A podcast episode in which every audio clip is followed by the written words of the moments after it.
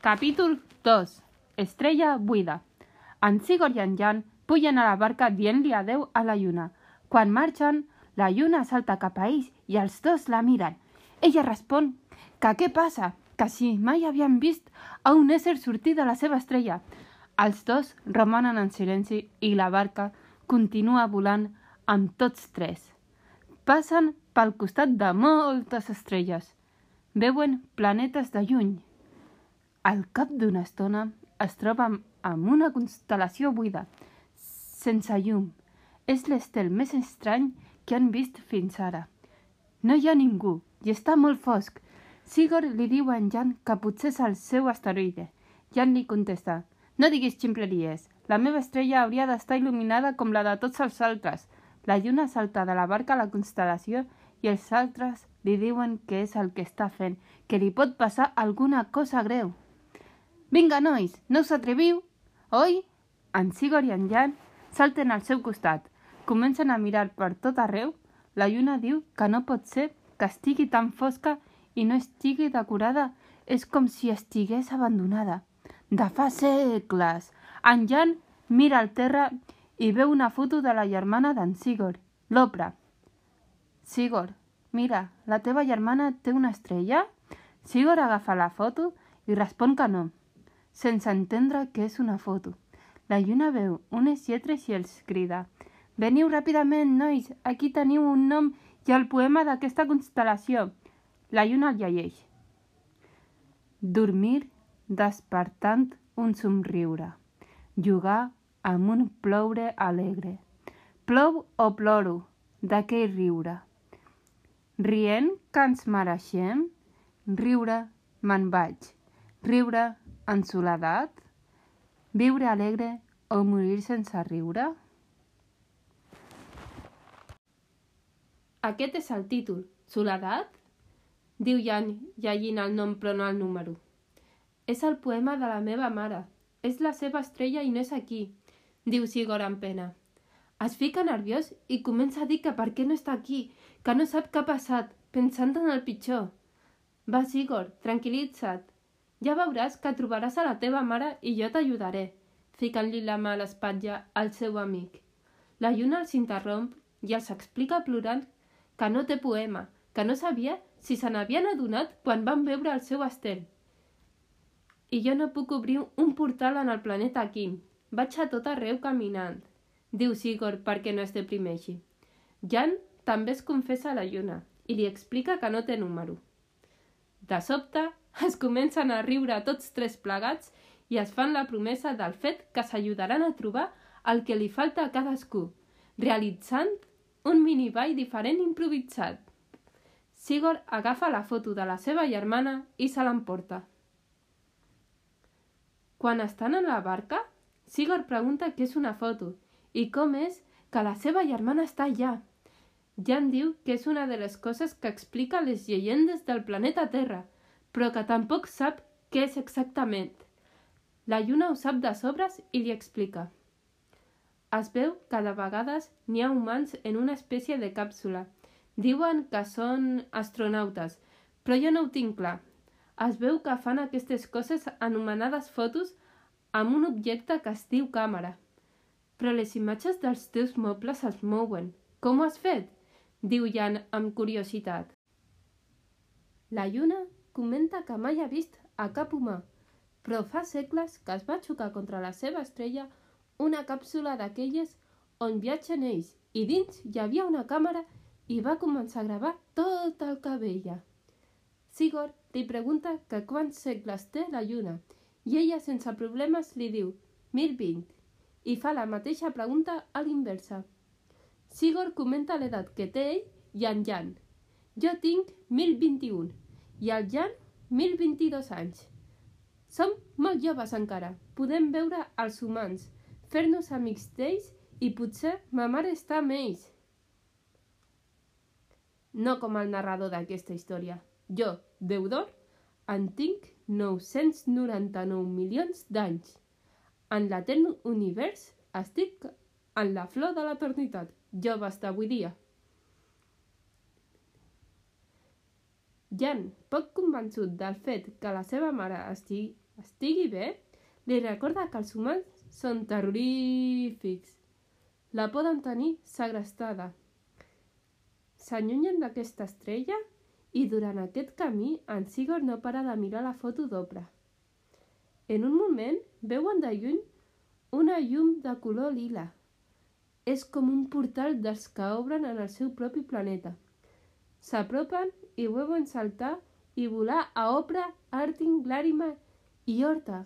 Sigurd els pregunta que com ha aconseguit fer un portal tan gran d'aquest color, mentre que Jan li pregunta el per què i com han vingut i els han trobat.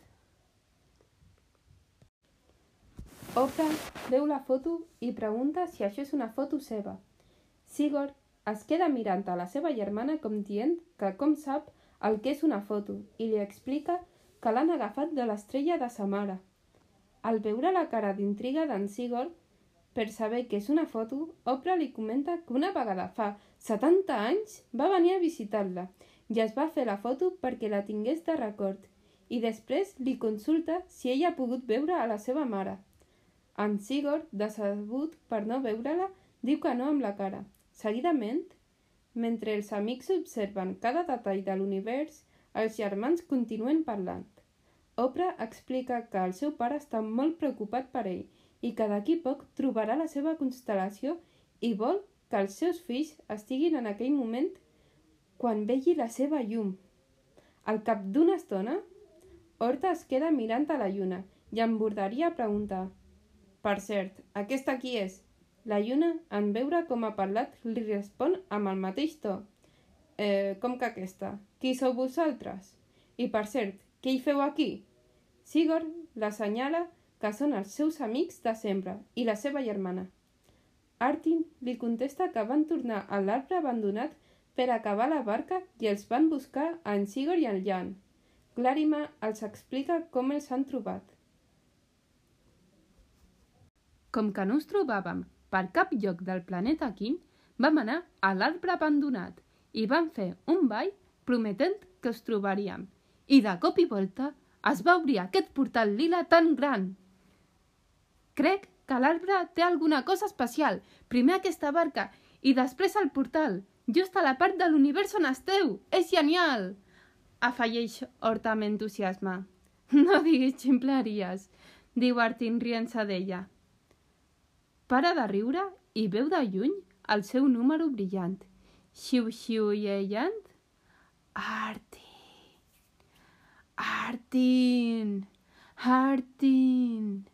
Es queda bocabadat? Explica que és la seva estrella, que en el moment que la va trobar no tenia el seu número i ara mateix l'Estela el té, molt brillant i gran. És la meva estrella. Quan la vaig trobar no tenia el meu número i ara el té, molt brillant i gran. A què és maco? Només escoltava el que escolto ara, diu amb sentiments trobats de no saber si saltar o quedar-se quiet mirant l'estel.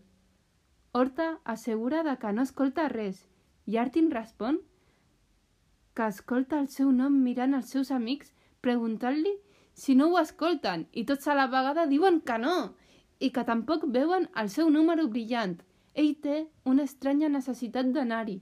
Ara mateix.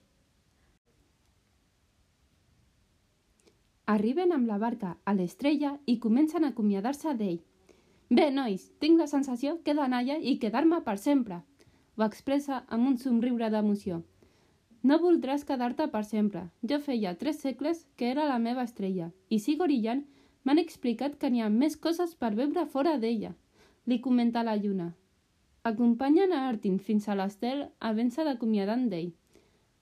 Adeu, Artin. Espero que aquesta etapa de l'estrella et vagi genial, s'acomiada Sigor Seguidament, s'acomiada Horta d'ell. Sento que al final no siguem parella, però gràcies per aquests 1025 segles al meu costat. Espero que hagin sigut genials.